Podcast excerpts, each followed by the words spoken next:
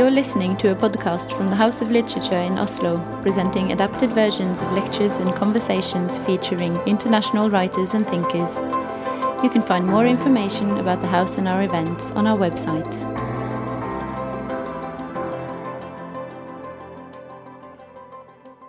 Good evening, everyone. My name is Susanne Kalutza.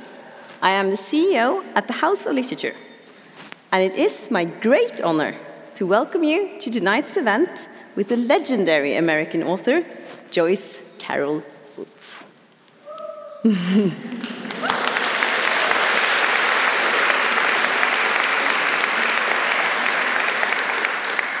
Calling her legendary is no exaggeration.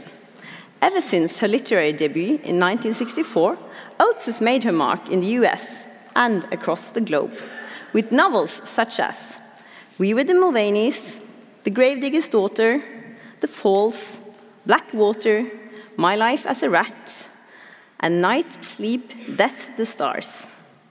She has written extensively about boxing, an iconic novel about Marilyn Monroe, short stories, novellas, non-fiction, and a number of children's books. Her work is amazingly diverse in range, razor sharp in observation, and incredibly tender and generous in its portrayals of people. According to Oates herself, the very core of her writing is to be a witness, to tell the stories of those who have no one speaking for them. She doesn't shy away from burning issues such as misogyny and racism, violence and social injustices, and her two latest novels, translated into Norwegian, both show this to the letter. For several decades now, the publisher Pax has made Oates' novels available in Norwegian, beautifully rendered by translators Tone Formoe, Hilde Lyng, and Bente Klinge. The novel Babysitter came out in Norwegian earlier this year. Based on a string of unsolved child murders in Detroit in the 1970s, this dark thriller deals with racism, predatory sexual behavior, and corruptions issues sadly still relevant today. Detroit is also the main setting in Oates' National Book Award winning novel Them from 1969, available now for the first time in Norwegian. In this novel, which is considered among Oates' major works, class, poverty, and the lack of opportunities this leads to are central themes set against the backdrop of the 1967 race riots in the city. While Oates certainly writes about dark events and issues, we would be remiss not to make note of her dark humor, her precise psychological portraits, and her beautiful descriptions of love, loss, and belonging. Or of the enormous impact Oates has made and continues to make through her teaching of creative writing. Yesterday, those present at the House of Literature heard a talk about the writer, art, and creativity. And now we are looking forward to hearing her talk more about a long life dedicated to writing, to the power of literature, and to the writer as a witness. To talk with Oates on stage, we are happy to have with us writer and journalist at Klassekampen, Karin Haugen. So now please help me welcome Karin Haugen and Joyce Carol Oates.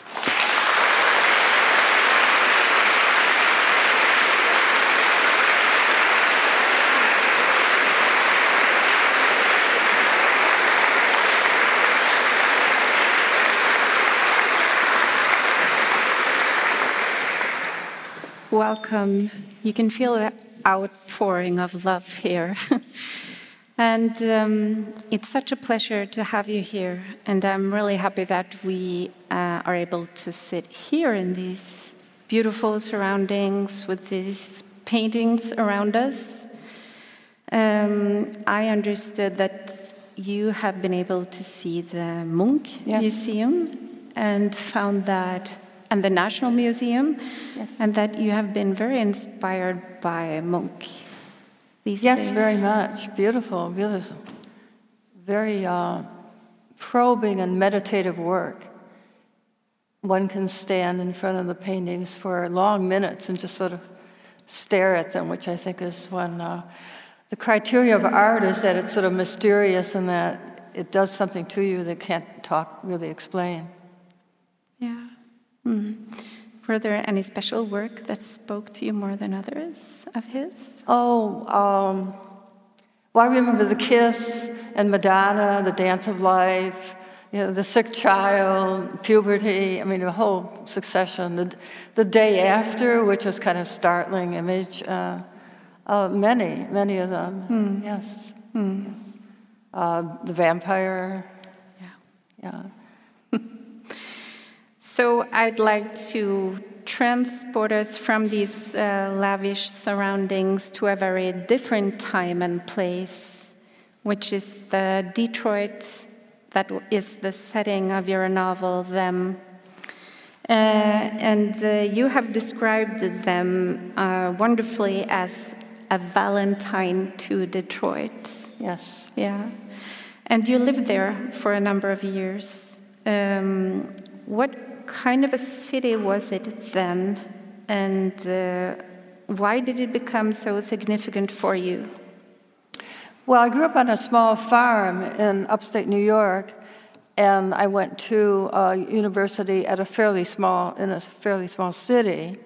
And then I was living in another sort of semi rural area, and I'm from literally from the countryside. So when I went to live in Detroit as a young woman, a young married woman, and a young instructor at university, it was literally the first time in my life I ever lived in a large city. And so that transition from uh, the countryside or small town to a large city was, I think, very profound and very revealing. Mm-hmm. So it, it would have been the case that any large city I went to live in in my early 20s would have had a kind of psychic effect upon me because it was a new environment.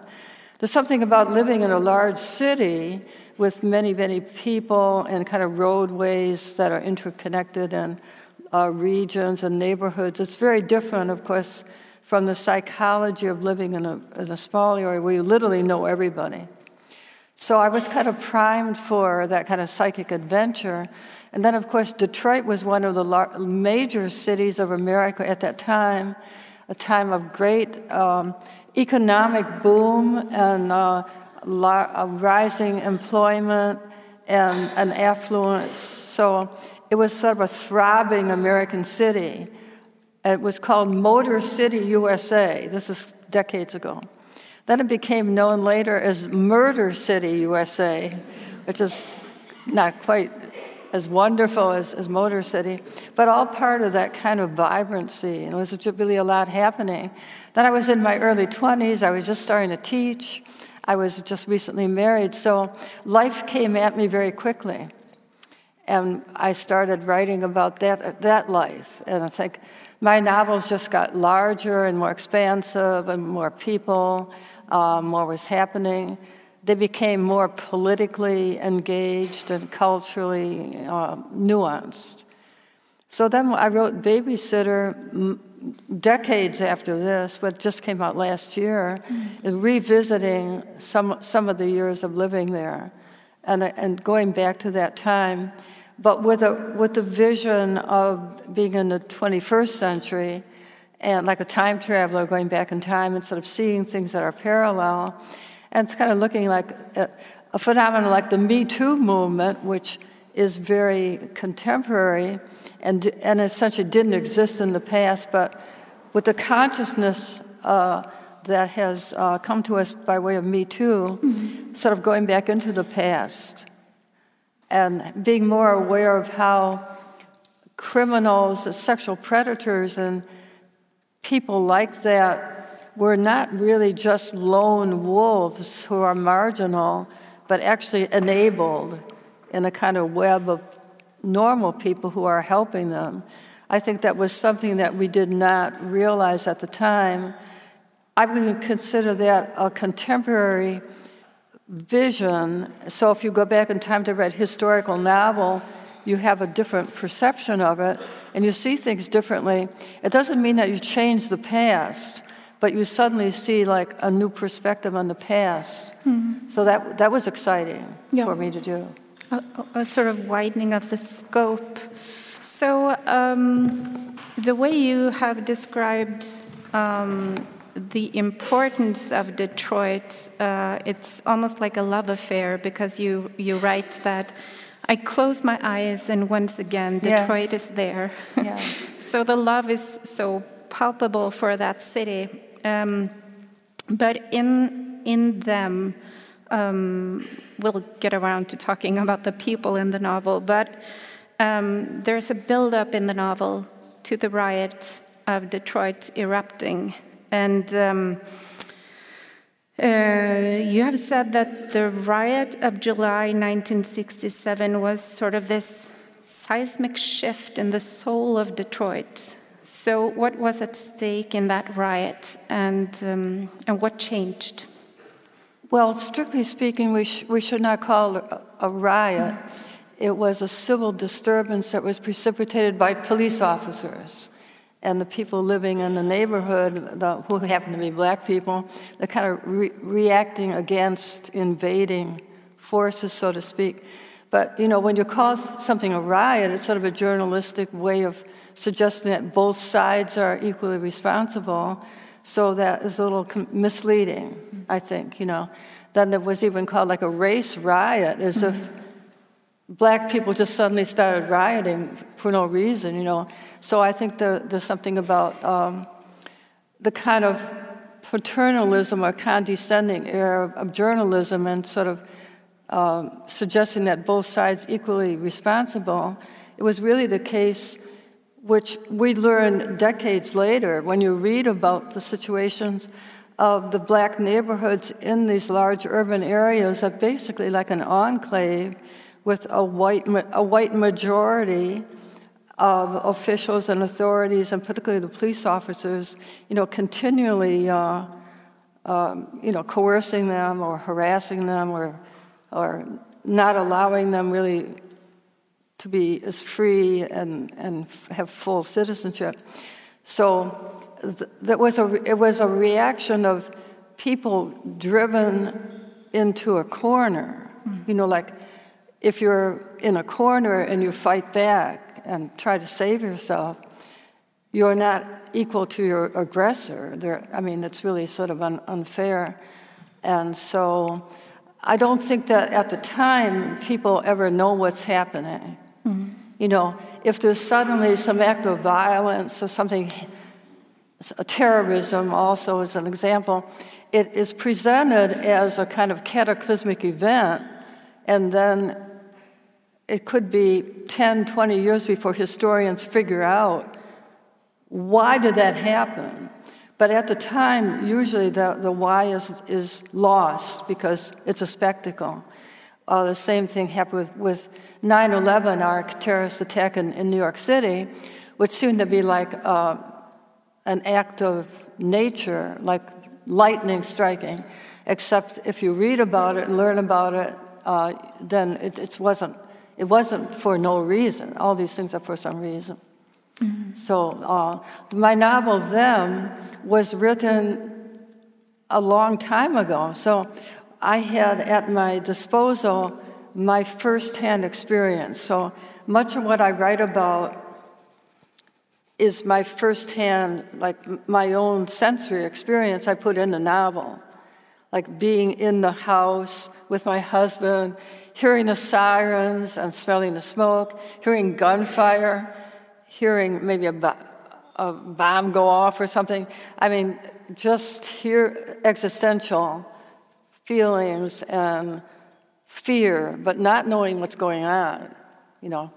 So then, years later, I did research into the experience that I lived, and then I found out many more things that had happened and led to it. And so I've written about now about the same thing later on. And that's kind of interesting too, because any period that we live through, we don't really know the context historically. We think we do, but we actually don't. Yeah. So uh, the the title "Them" is um, it's a very good title, and um, it's uh, the, the them of the title, the people in the story. Um, it's a generational story, and we start out by um, with Loretta, and then we follow her children, Maureen and Jules.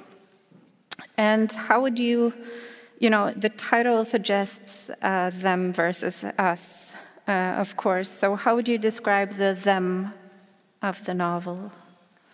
Well, looking at, looking at the novel from a little distance, them is, is small caps. It's not, it doesn't have a capital T. So it does suggest like the us versus them, like seeing people who are uh, impoverished or disenfranchised politically, and they're kind of like over there. And then at some point in the novel, one of the characters says to someone else, says, Well, aren't we them ourselves? You know, like we, you know, that make, make that identification, which is what you're supposed to, I think, feel as a reader getting into the novel. First, the people are kind of at a distance, but then as you get to know the family, you, you should kind of identify with them and feel that you're part of them. Hmm. And the, it's also about people who are middle class or, or upper middle class uh, looking at poor people, like working, we have what we call working poor in America. People who are working, they can have two jobs, but they're still poor because of economic uh, disparity. And so you can be a working person, but also a poor person. Then somebody else looks at you and says, Oh, you are, you know, like you're, you're not like us, you're not working. If you're poor, you're obviously not working hard enough, you know. So just looking at that kind of pejorative, judgmental vision, which is suggested by the title. And then there's an epigraph from The White Devil where what character says to another, because we are poor, should we be vicious? You know, meaning no, but we're considered vicious by people who are not poor. So it was very much a political novel. And the first novel that I addressed some of those issues because, as I said before, I never lived in a big city. Hmm. So you're um, you're an author that's not afraid to um, um, comment upon your own work, and you've written afterwards to several of your novels, and I love that because um, you get to see the tone in which a writer writes about their work. And in the afterword to them, you, you write that this is a novel um, where you see America through class war. And, um, you know, it's not that often you read someone say that I've written a novel about class war. Um, so, um, but you also point out that class war is taboo in the um, uh, supposedly apolitical literary quarters. So, how has that been a tension for you? Well, I wouldn't say it was taboo. I think there's strong working class mm. novels, and there's a tradition of writers like, uh, well, Russell Banks is a good example of writing about working class people. Mm. Uh, Harry Crews is a, a, a, a kind of marginal sort of rogue, a writer of fiction, definitely from uh, very marginalized background. It's a sort of southern uh, um, working class or even below working class. You know, mm-hmm. I don't think that's a strong theme, but it's always been there. I mean, Mark Twain writes about people who are not middle class. The whole idea is that the middle class is kind of confining. And, but I think to speak in terms of class war sounds sort of like it sounds like Marx. You know that there's some division. But the United States right now is so astonishingly divided that uh, uh, no one could have predicted it, I don't think. It's really very surprising. It's like some of the regression in women's rights, uh, women's reproductive rights, uh, regressing in some states in the United States, like back to the 1950s. Now, nobody expected that. I mean, like one day you're going to vote for Hillary Clinton, who we thought would be president of the United States, and then the next morning we're really back in another era of misogyny and outright racism, which is really astonishing. And so I think many, many Americans, especially liberals, have not gotten over that. You know, the morning after the, the election, when um, that you find out subsequently that, of course, Hillary Clinton did get more votes. She, she had millions and millions more votes. So, I mean, the majority vote did go to the, the liberal woman. But some, some of these things about uh, class warfare and the, the, tension between classes and castes, what we call castes, uh, some of that seems really anachronistic. And so when it comes back, it's really stunning, really mm-hmm. surprising.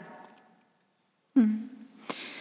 So, um, you've also stated that you feel a sense of absolute allegiance with them, uh, the theme of your novel. And I think that um, I, I, suspect that allegiance grows out of your childhood experience where you saw poverty and hardship. Um, so, what kind of a world did you grow up in? Well, I grew up in a very different world because, as I said, I grew up on a small farm. So when I came to a city, it was a different, uh, whole different consciousness. Almost literally seems like a vibration or a thrumming of excitement in a city that you don't have in a, you know, uh, out in the country where the rhythms of life are very different. So I'm, I don't think that my background is that relevant, except I did have um, a very loving family. My, my mother, my father, my grandmother uh, were really very supportive and in every way wonderful family. So I think that is the kind of emotional cocoon that we all need to, to live our lives. When I wrote about Norma Jean Baker, who becomes Marilyn Monroe, I was so struck by the fact that she had none of that. She didn't have a loving mother. She didn't have a mother who even held her. She didn't have any father.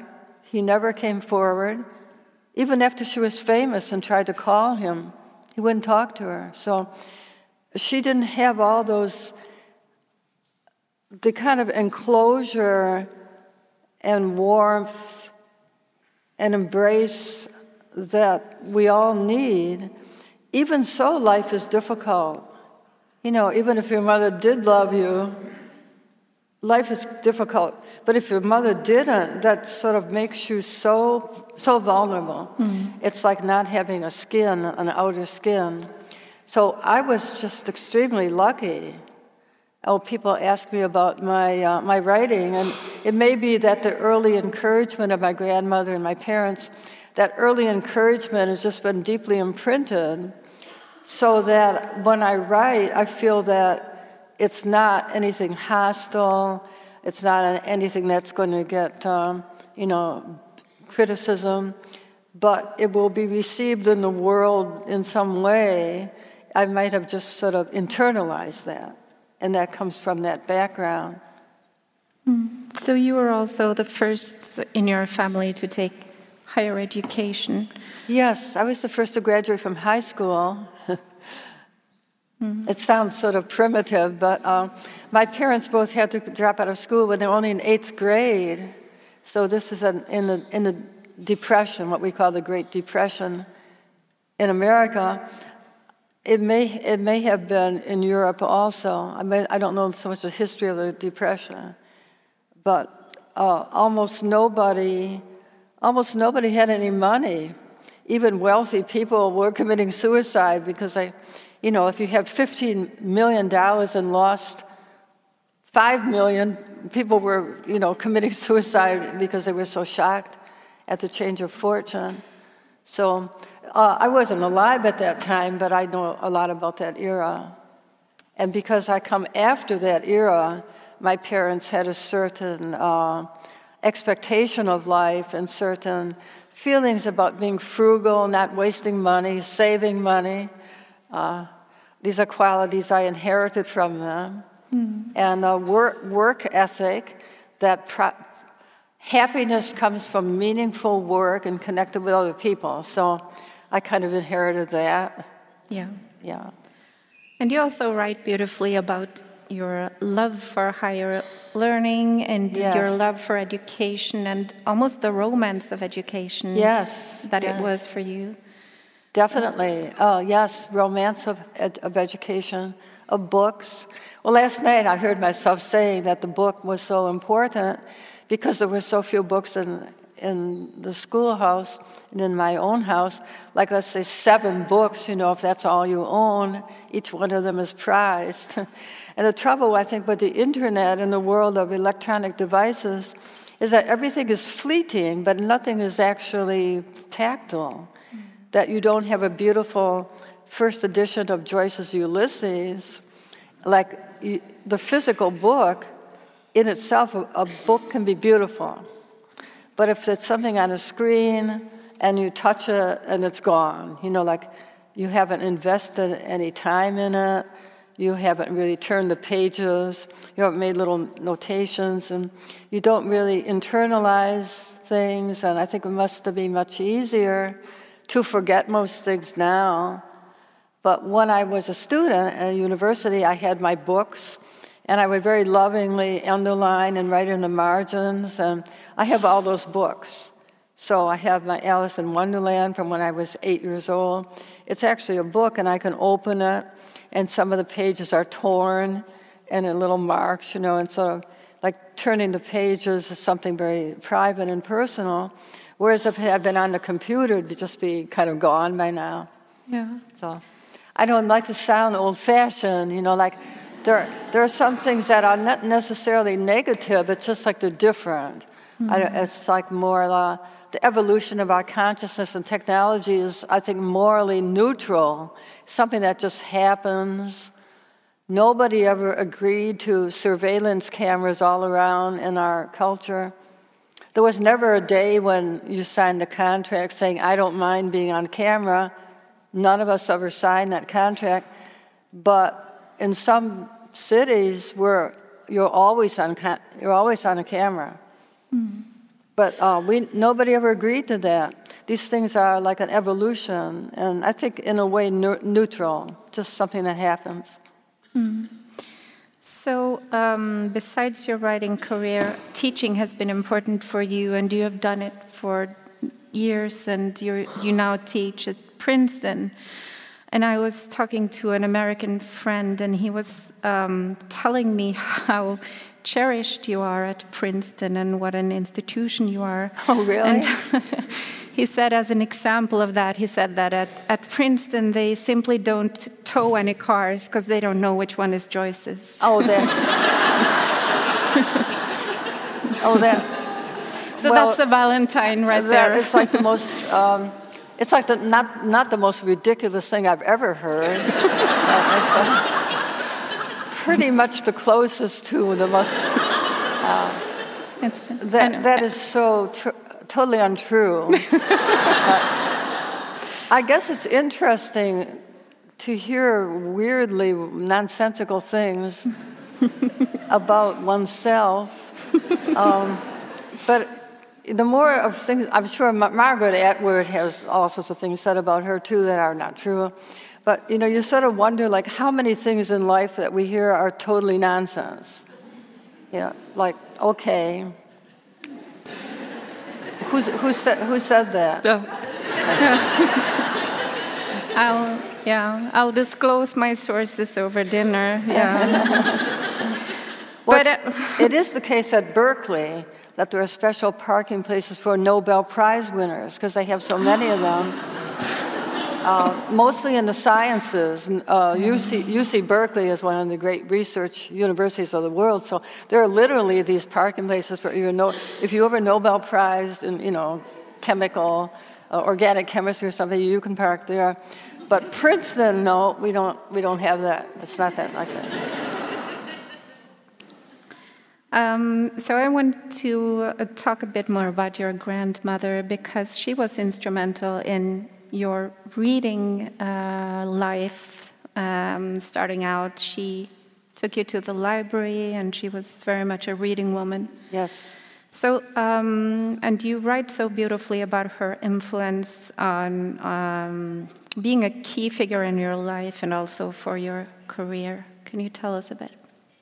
Well, I think like all of us, I took my parents utterly for granted and my family. I mean, you know, when you're, when you're a little child, you just think, oh, I must deserve this. Like there isn't any sense that you get in later in life, you think, oh, I'm so lucky. And children only see their parents in terms of the relationship. You know, uh, you have to be a lot older, really, to realize that your parents were actually alive before you were born and that they had a complex uh, they had complex lives and they didn't know they didn't know that you were coming. And you might, you might just be a complete accident and a surprise. And so it was really decades later that i started actually thinking about my family and how, how special they were. And my grandmother uh, of course not that i didn't love them at the time but I didn't have that view that I had later. Because after my grandmother passed away, when I was just in my 30s, then it came to light uh, later when uh, a man was writing a book about me, and he was uh, doing research into archives and so forth. It was discovered that my grandmother was, was Jewish, but she had never said she was Jewish. And her family, um, whom I did not know, uh, they were obviously, they obviously fled, maybe they fled pogroms in Europe to get away from anti Semitism. So they came to America, but they didn't stay in the Jewish areas of Boston or New York City, which were very vibrant and very like the Lower East Side. They went way, way up in the wilds, Western New York, I don't actually know why they went there. They must have been the only Jewish people who went, who went there. I mean, nothing like, no synagogues. I mean, there were really no Jewish people. And then I think they just assimilated, and, and I think they said that they were Protestant. Because when my grandmother got married, it just said Protestant on her, her wedding certificate. So it's, it's more like they were nothing. They were American. And I think that's what one of the romances of America. You come from the old world, so called, you know, you come to the new world and then you just reinvent yourself. You can change your name and change your identity, and you don't have to be shackled by the past. So, my grandmother was the daughter of people who did that, and she never talked about religion. Um, she thought that uh, all people had like a common religion that people were not really divided into religions. She much admired Abraham Lincoln. I remember she, she read a lot of biographies of Lincoln, and she thought that his, his views of religion and of God were how she felt, which I think is sort of non denominational. Mm.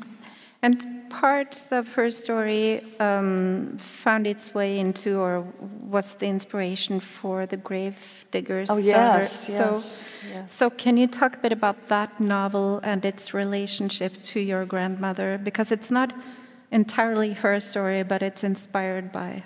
Yes, The Gravedigger's Daughter is a novel that I wrote after my grandmother passed away, um, evoking her early life and how her family, the same thing, where they, they uh, completely detach themselves from their history.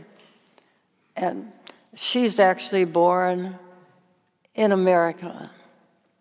Her parents are born in rural, um, Germany, they're German Jews, and they, they fled. Uh, this is way before the 1930s. I mean, they came before then. Um, I'm not sure exactly of the chronology of the grave digger's daughter, but in real life, the family came earlier. So they would have lost relatives in the Holocaust. Uh, they had probably lost connection with them, but um, anyone who was left behind who was Jewish most, mostly perished. So my grandmother represents, um, turns out to be not really that small a minority of people who don't really know what their identity is. So when I was doing some, uh, some readings and talks about the gravedigger's daughter, people did come up to talk to me and say that my, uh, my mother was the same. You know, we didn't know she was Jewish, and she just never acknowledged it. I don't know what, I don't know that one should talk about genetic inheritance or even that it's real. So it's sort of mystical to talk about you inherited from one side of your family this or um, I'm not really sure scientifically whether that's a good way to speak. When we speak poetically, we might say something like, I inherited from the Irish, you know, a love of music or a love of poetry. I inherited from my Jewish side a love of books, a reverence for the written word, or you know, the arts. Um, so it's hard to talk and how to know how precise one is being. But definitely, my grandmother, who both was and wasn't Jewish, she was Jewish literally, but she wasn't Jewish, you know, culturally. She was the one who gave me books. I don't think my parents ever gave me one book. She gave me books for every birthday and every Christmas. She gave me my toy typewriter and my manual typewriter, and then she gave me my, my electric typewriter. So that's like three typewriters from a woman who was in fact Jewish but not really known to be Jewish. So I think it's a debate whether one should even talk about these influences. Hmm. But when I was in Israel, which is just once, you can, you can believe that I did talk about that. and I said, well, maybe it's a coincidence, but it was my Jewish grandmother who gave me all my books and my typewriter, took me to the library. And of course, you know, that's the sort of thing that you would say, and people would respond to it. And it might be true, but I don't really want to go on record as saying anything so literal. Yeah. So there are several other novels or short stories of yours that take um, real life events as their inspiration without there being like a one to one relationship. But one of them is Black Water, which was inspired by a real life event where a US senator crashed his car and um, a young woman drowned. And um, that is just one of many examples of the ideal that perhaps more than anything is um, represented in your writing, which is that the author should bear witness. So, um, could you tell us a bit about how you view the act of writing as an act of witnessing? Well, obviously, I lived through the, chap- the time of the Chappaquiddick incident, which is what that uh, tragedy and scandal was called which was quite a long time ago. And then I, I didn't write about it till 20 years later. Mm. So rather than writing about something that's in the headlines, I think writers often wait or it's just a gestation period. So I wanted to write about the phenomenon which I saw in America of the time of my writing, not the time of the incident, of uh, the peop- uh, pe- people enthralled by power in, in their leaders, which is misguided. Um, having faith in a political leader who is actually misguiding his constituents or he's dishonest. Um, why do people have faith in leaders who will betray them? Mm-hmm. So you could write about the phenomenon of Los Alamos. Like there's a movie Oppenheimer that just came out a couple weeks ago, which is examined some of that. Instead of writing about Chappaquiddick incident, I could also have written about the um, Trinity, you know, the atomic bomb experimentations, and then the, the explosion of the atomic bomb, and how people who lived in New Mexico, many of them indigenous people, but also people who worked with uh, Oppenheimer and others, you know, how they were betrayed in the sense that they, di- they died of radiation, a sickness, or a cancer, you know, decades later. Um, how your, your, your leaders who say they have speeches and they sound very idealistic, like the senator in Black Water, he's a liberal, a good, a good person to hear him talk. But then his behavior, how do you treat people subordinate to you? How do you treat workers and employees? How do you treat like a secretary? How do you treat somebody who doesn't have your power? That's the revelation of the character. And so in Black Water, though the liberal senator is actually a good senator, and he would be he is a Democrat and a liberal, nonetheless in his behavior toward people, he is reprehensible and lacking conscience, which was true of that of Ted Kennedy. Hmm. I mean, if you research that Chappaquiddick incident, it is truly shocking. I mean, not to go over the past, and some of you might know that past, but here's a senator whom people revered, and he was going to be a nomination candidate for president. He would probably have been president of the United States. Mm-hmm. He was sort of being groomed, and he was very attractive, and actually, in subsequent years, he was excellent. He was an excellent senator. He was, after this scandal it becomes like a debate. Can a person be a good person after being a bad person? So that was a debate. It's an ethical debate, which never gets solved. And so, in researching the phenomenon, I just learned really shocking things. And I talked before about enabling. So it wasn't just that man who, who allowed a girl to die and drown. He really allowed that to happen he ran and he called his lawyer. He didn't call emergency. He left her. Mm-hmm. For hours, it was hours and hours and hours before anyone was notified. And when you read that, you just think, you just, lose, you just really feel sick because there are many things that are not known.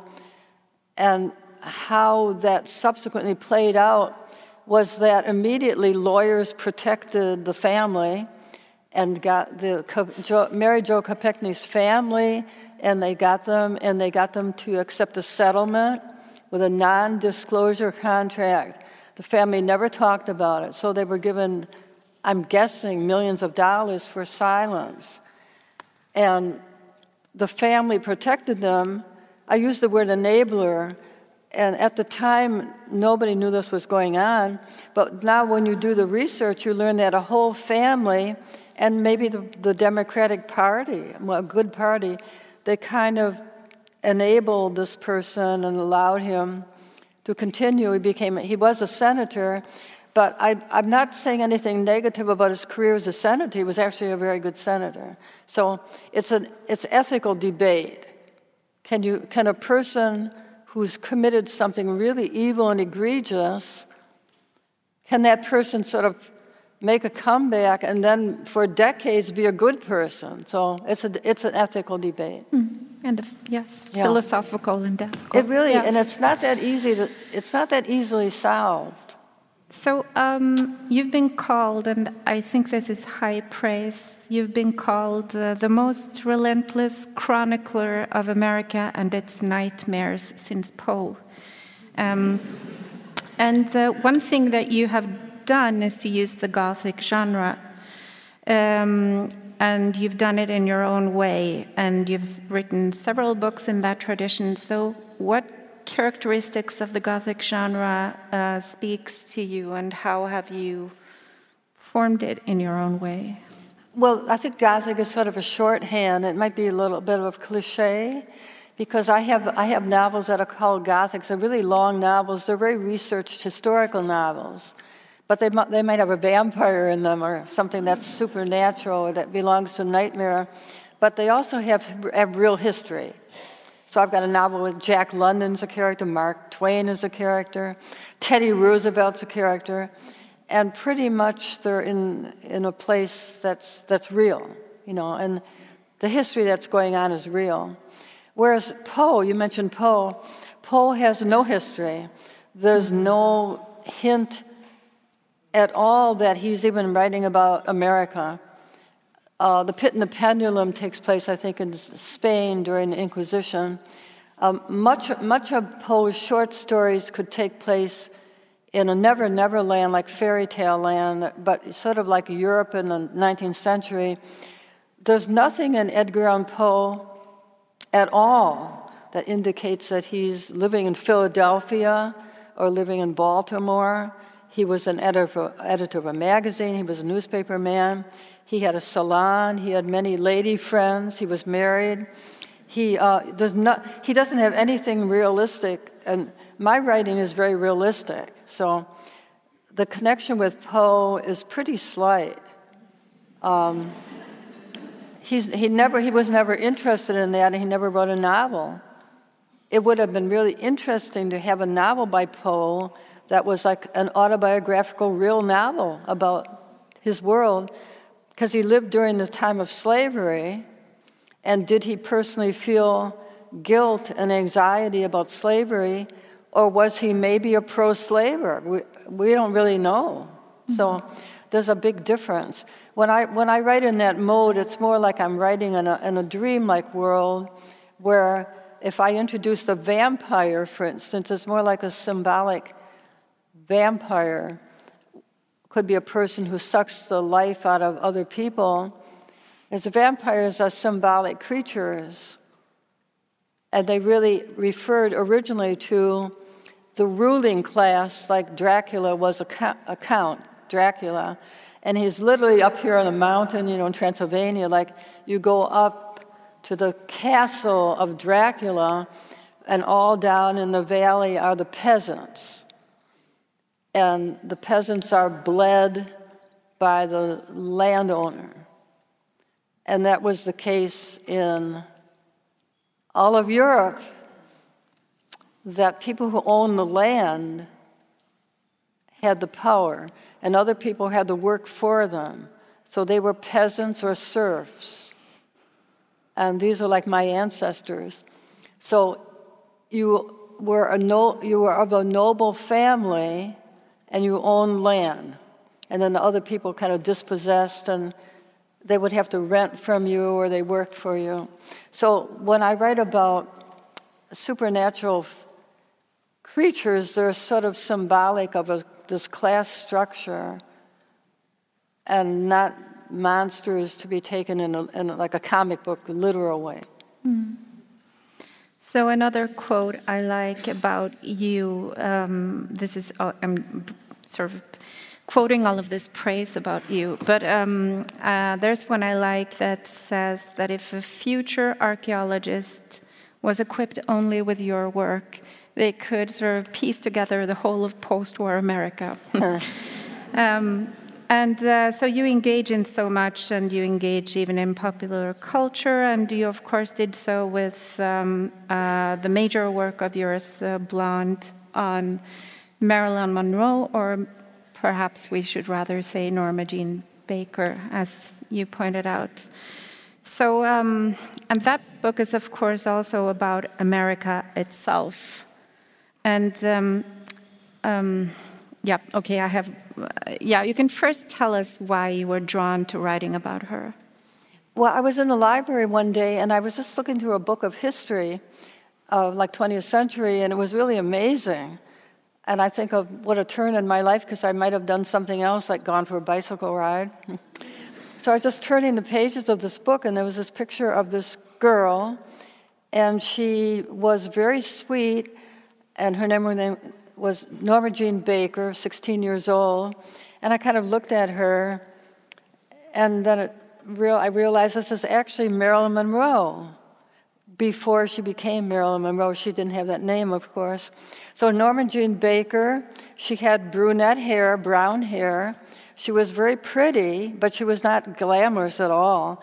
She didn't have the features almost of Marilyn Monroe. If you knew that was going to be Marilyn Monroe, you could sort of see maybe, but not really. She didn't look that much like Marilyn Monroe. Later on, she would have a platinum blonde bleached hair, and she would have some surgery. Even Marilyn Monroe had facial surgery. Uh, she was gorgeous before and she was more gorgeous after, so that's Hollywood for you. So if she hadn't had her surgery and her blonde hair, we would probably never, never have heard of her. But at the time, I didn't really know who that was. And I thought, well, she sort of reminded me of the era of my mother. I spoke of my mother being quite poor. Uh, she was of a, a very, very large family, very poor, so she was actually given away and my, I'm not to go into that family history, but it was not so different from Norma Jean Baker, who didn't have a father, whose mother was schizophrenic. Her mother kept giving her up to an orphanage, but she could not get adopted because she had a mother. So the mother would bring her back, and then the mother would give her up again. I think she was in uh, a dozen orphanages and foster homes. So, in some ways, she was worse off than an orphan because an orphan would be adopted, and she was very cute. She would have been adopted to a real family, but then we wouldn't have Marilyn Monroe, or she wouldn't have the impetus to get out there in the world. So that was her fate was to be unloved, and all the other children were getting adopted, and she would not get adopted. So her fate was to be connected to a woman who was her mother, but didn't mother and was mm-hmm. not loving. So Norma Jean Baker's fate was to be un, unloved. And, but then she began to notice that if she behaved in a certain way and dressed in a certain way, she got from the world emulation and people looking at her. Like men would look at her and start looking at her, and that gave her a feeling of excitement and identity, such as you, we might have gotten from our families. She had to get from the world. So, attracting the attention of anonymous men began a way of her establishing her identity. So she would wear tight fitting clothing, and she, began, she got the attention of a photographer. She was working in a factory, and she would wear these very tight clothes. She was only like 17 years old, and she was really, really young. She was already married, but already her husband had kind of left her. He joined the Coast Guard. He, he really left her, and she was all alone. She was 17, married but she had to work in the factory. And she was working in a kind of factory that she was working with uh, chemicals. In a few years, she would probably have gotten lung cancer. So, again, her life was saved by the fact that she was wearing these tight clothes. And one day, a photographer saw her for Stars and Stripes. He took her picture, and she was on the front page of this newspaper that went out around all the, the, the uh, mili- uh, the U.S. military. So one day there's Norma Jean Baker on the front cover of Stars and Stripes. And then the next day, she got the attention of somebody else and somebody else. In that way, she was saved from lung cancer in, in, the, in the factory. I mean, these are the stories that make up our lives, and they are so astonishing. I think that's why people write novels, because Look at that. And uh, Robert Mitchum was, who was not then a famous actor, he was a co-worker of her husband at one time, and he he would know her later on. They were in a movie together. You know, mm-hmm. eight nine years later, Norma Jean Baker and Robert Mitchum are in a in a movie together. This is the stuff of uh, a fairy tale. So I was just led to write about all these things by the wild improbabilities of life. And so, all along, Norma Jean Baker had these uh, moments of, of good luck. It was like it was like a fairy tale. She was like a beggar. She was like a, literally a beggar maid. She had nothing, and then she's like the beggar maid. She becomes like a princess, and then she attracts the attention of Joe DiMaggio, who was very, very famous at the time. And he says to somebody, I want to date her. Like she's a starlet. And so the next thing they're introduced, and then their pictures are in the paper. The next thing they get married, you know. And that's like the first of her celebrity husbands, is because he saw her picture in the paper. I don't think he'd even seen a movie of hers. And she was a very good young actress. So I saw all of Marilyn Monroe's movies in chronological order, beginning with Don't Bother to Knock, or no, The Asphalt Jungle. Yeah. Don't Bother to Knock, she is a co star with Richard Widmark. That was her first. And if you see her in the early movies, they're not the gentlemen prefer blondes, Marilyn. They, she's a real actress. Mm-hmm. And, don't bo- and Don't Bother to Knock, she's playing, an, she's playing a girl. She's not glamorous. And she's not singing and dancing in high heels. She's an actress, and uh, a really good actress. Then uh, a couple years later, she's in Niagara, which is like the big breakthrough, And there are billboards all around the country of uh, Norma Jean Baker, and now she's just displayed uh, in a very tight fitting dress and a, re- a, red dress and high heels. In a, she's in a motel in upstate New York near Niagara Falls, and she's dressed like literally nobody in the world in a motel in Niagara Falls ever looked like that. You know, she just happens to come out of her motel room and she's just like something on a stage in, in, in Broadway, you know, that's just so weird and bizarre and unreal. I mean, totally unreal. But this is her breakthrough, so she becomes, after that, completely famous and notorious. And that's sort of the end of her private life. She never has a private life again. Then she's in Gentlemen Prefer Blondes, which is typecast her as a dumb blonde. And she, um, she never gets beyond that, really, in, in the public mm. in the hmm. public consciousness. Now, as, a, as an actor, she was always growing. She took classes. She was really a working class. She was a working class girl and always took classes. Mm. She's always like dance lessons. And I have to say that the other big stars of the era, like Ava Gardner or Elizabeth Taylor and others, they would be caught dead taking classes. I mean, Ava Gardner just didn't disdain anything like that. She didn't really care. And here's Marilyn Monroe, who was taking a class in dancing, I think it was in acting. She might take a class in poetry. She's sort of like the good, the good schoolgirl who's actually working and learning things while these others are sort of like prima donnas. And I was attracted to that also. Yeah. So you said fairy tale, and there is absolutely a fairy tale quality over the story and her life, but there's also this nightmarish, claustrophobic feel in how it developed. And I saw one description um, of Blonde that said that. Um, the novel is the most ferocious fictional treatise ever written on the uninhabitable grotesqueness of femininity, which I, I love. Because there's also, because, you know, she got the attention of men, but there was also this aggressive male gaze. And when I was rereading the novel now, I was struck by how daring you are when, in giving voice to the male perception of her because it's very crass and brutal and demeaning and physical and um, you know i sort of shy away from quoting it on stage. So um, yes what was that aggressive male gaze on marilyn? Well the novel originally was 1400 pages so that's a, lo- that's a long novel you know and I perceived it as an uh, opportunity to write an American epic. So I put a lot of other things in, like the cultural, the phenomenon of the time, politically and culturally, lots of things that are going on. So I had the opportunity, which you don't have in a regular short novel, to have other perspectives, like people looking, looking at her, you know.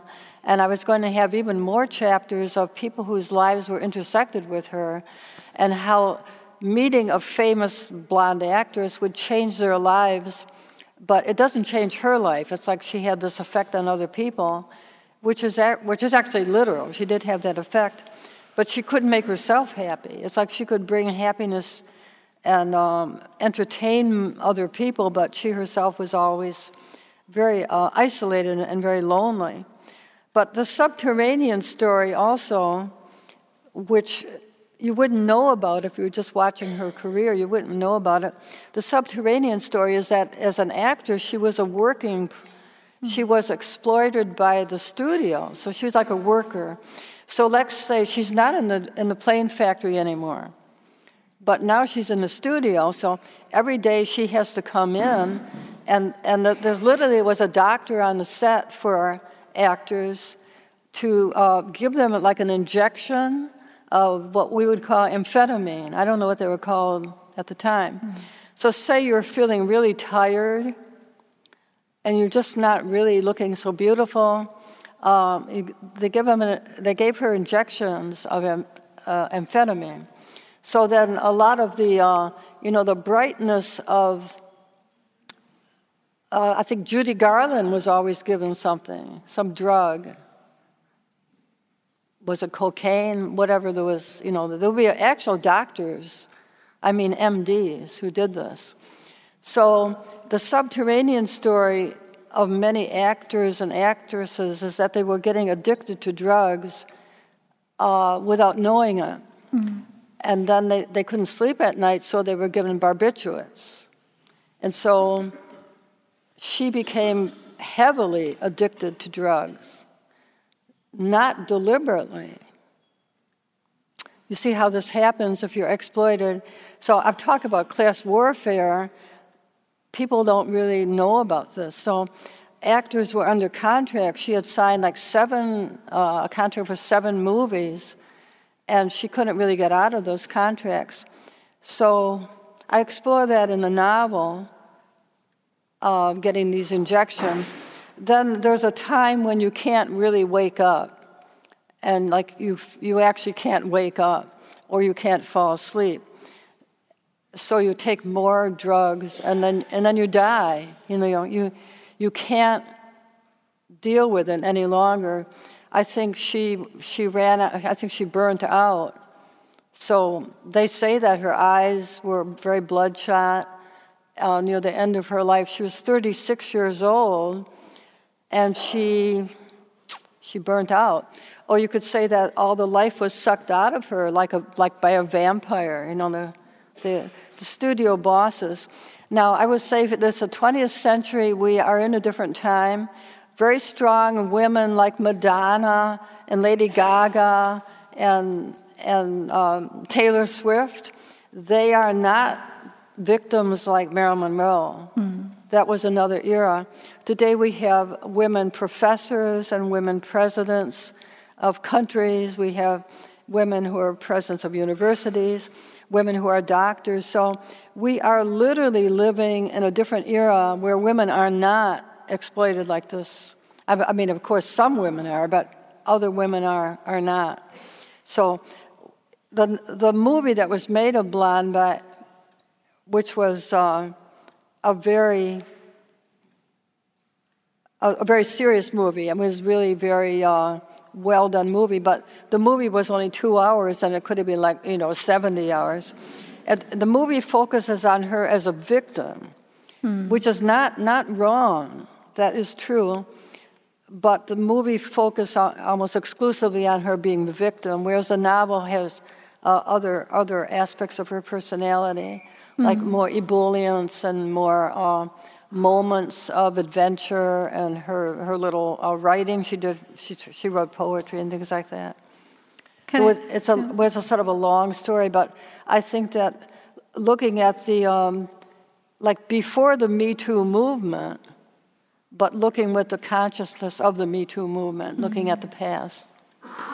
So, can I do one more male, male gaze question? Because uh, one of the people who wrote about Marilyn was the great American author Norman Mailer. And um, uh, he exercises his male gaze pretty freely in that book.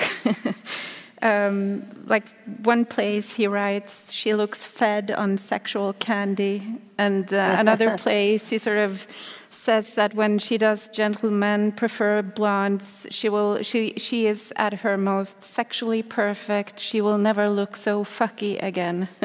wow. Um, and I've always thought, yeah. I've always thought that book is so interesting, and um, I, am curious what you think of his portrayal of Marilyn and that. Well, Norman Mailer was basically writing about his um, his perception of a, of a woman whom he didn't know. Yeah. Like he has no idea that she's an actress.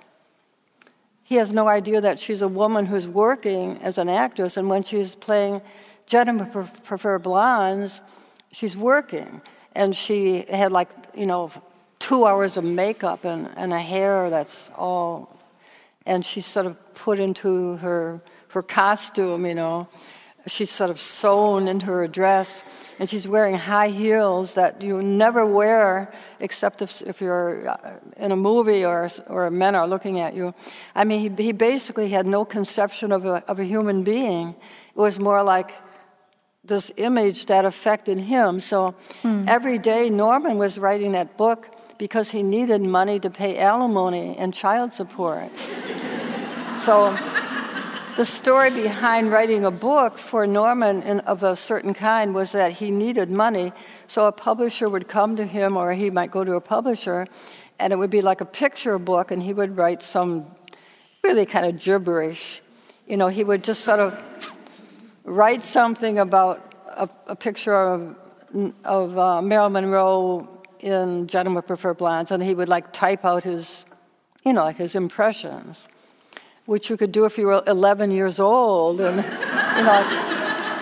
He, he didn't he didn't do any re- he didn't do any research into a human being, and so uh, I Norman was a friend of mine, and I know very well. It was like a he would probably say, "Oh, I did that for money, you know, I don't I want to look at it anymore. Uh, but that's the other side of some writers. Now, not all writers, but some writers were and have been writing to make money, and they have books that they they don't really think are that, you know, representative of their work. So you could have a whole column of books by Norman Mailer that are things he did kind of quickly. And then you have his other books that he spent years on, like, like mm-hmm. uh, Ancient Evenings. He really cared about those other things. Mm-hmm. Also, Norman Mailer was acutely jealous of Arthur Miller. and they were the same generation. And he would look at Arthur Miller and he would say these things. They're both Jewish writers, you know. And he was so, so envious of Arthur Miller. And he thought, like, why can I be the husband of Marilyn Monroe? And if he had been the husband of Marilyn Monroe, her life would have been even worse than it was. Because people like Joe DiMaggio and Arthur Miller and, and John F. Kennedy, the president, and Robert Kennedy, his brother, they would literally look at a, like an image of her and say, I want to date her. They would say mm-hmm. things like, I want to date her, like they didn't even know her. They looked at a picture and then they would actually meet a person, like at a party, they would meet her and kind of want to appropriate her. But in all fairness, she would look at them and see, oh, the president of the United States, uh, I want to date him, you know. It's like these people are in high school. You know, you want to date the football, the, the head of the football team, you want to date somebody who's very popular, but they don't necessarily know they don't know or even care about one another. And so when it became obvious to the Kennedys, like Robert Kennedy and John Kennedy, that Marilyn Monroe was deeply, deeply uh, physically and emotionally distraught. She was having a nervous breakdown. She was addicted, addicted to drugs. They, they didn't want any part of her. They, they kind of just no more. She couldn't call them anymore. That's when she, uh, she, she, committed, she committed suicide, some people think, or I think it was accidental, around that time. So when people perceive one another as images, it's only like a near perfection. They didn't care about the real person. So if Norman Mailer had known that, that Marilyn Monroe um, had a ruptured appendix or had um, a miscarriage, say she had breast cancer or some real problem, he wouldn't, you know, wouldn't want to get involved with her. The test of love is does a person care about you? If they're going to run away at the first sign that there's something wrong with you, then they don't love you at all. And that was the problem with uh, the perception of Marilyn Monroe by other people was if she wasn't this beautiful, then they didn't, they didn't want to deal with a neurotic person who would be crying or, or screaming at you, or, you know, really needed a ther- therapist and needed psychiatry. Mm. So it's um, well known that you portray women and young women and the conditions of being a woman very well, and I agree with that, but I think also you write very well on masculinity. In one place you do that is in your book on boxing uh, which Norman Mailer approved of. um, uh, but you write, you have this, uh, all of these beautiful insights in that book, and it, you have insights on race and class and uh, and on masculinity. And you you write in that book that men are fascinated by boxing because it suggests that masculinity is measured solely in terms of other men and not in terms of other women. I think that's so illuminating for a lot of things in society. Well, it is kind of interesting. I don't really know if it's universally true and, or if it's true in Scandinavia. It's maybe more true in America. Uh, we're more of a frontier, like a rough frontier country of America where there was always the reality, not just a, not just a myth, but a reality of a frontier. Like you could go into a whole area that was nobody lived there except indigenous people who it might be like a desert area. You know, I don't know whether Europe has that kind of myth, the mythology of the, of the West, where you go to a part of the country before the law's there. Like the law, the law wasn't yet, let's say, in New Mexico. Or New Mexico didn't actually exist, it was a territory. Or you could go to a territory that would become Idaho or Wyoming. And if you could get out there, you know, there, wasn't, there was no law. There was no there was nothing. It was like this, a kind of a wilderness. And so we have these myth, the mythos of a very masculine man being a, a man in America, unfortunately, a man who has a gun, who started off as like the deer, the deer slayer was one of the first images. The deer slayer is a man who's a hunter, he's got, the, he's got a big gun.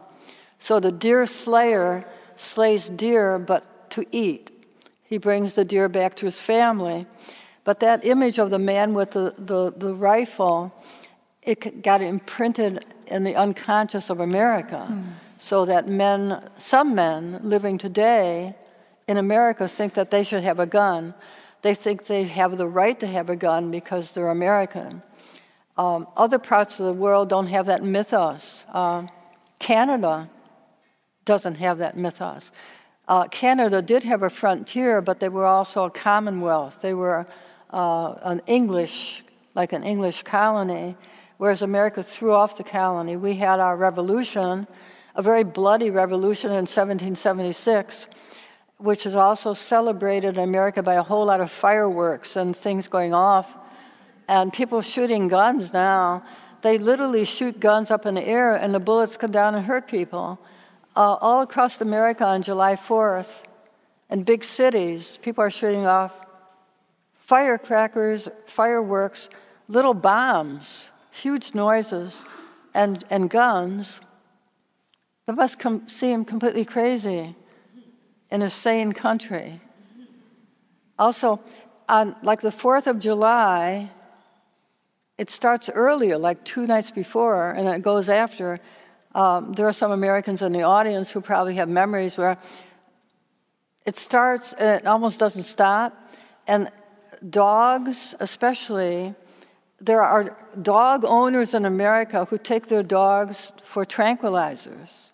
They have to be tranquilized and put in a quiet place in the house. Otherwise, they have complete nervous breakdowns. The dogs go insane with all the, the fireworks. I mean, when you, when you hear America being described that way, you think, well, this is complete lun. It's like lunatics are doing this. And we don't disagree. I mean, there are Americans in the audience, and we don't, we don't vote for that. We vote against that. But our votes just go into some abyss. Like, uh, I think 70% of Americans are against the gun culture, and maybe 75%. But we're sort of stuck in, in a quagmire of a minority, uh, minority, aggressive minority uh, party that has a stranglehold on votes. But we don't have to go into that. okay, so actually, the, ba- the bad news is that we have run out of time. Okay. And the, the good news is that there's so much to talk about, so you have to come back. Oh, yes, thank you.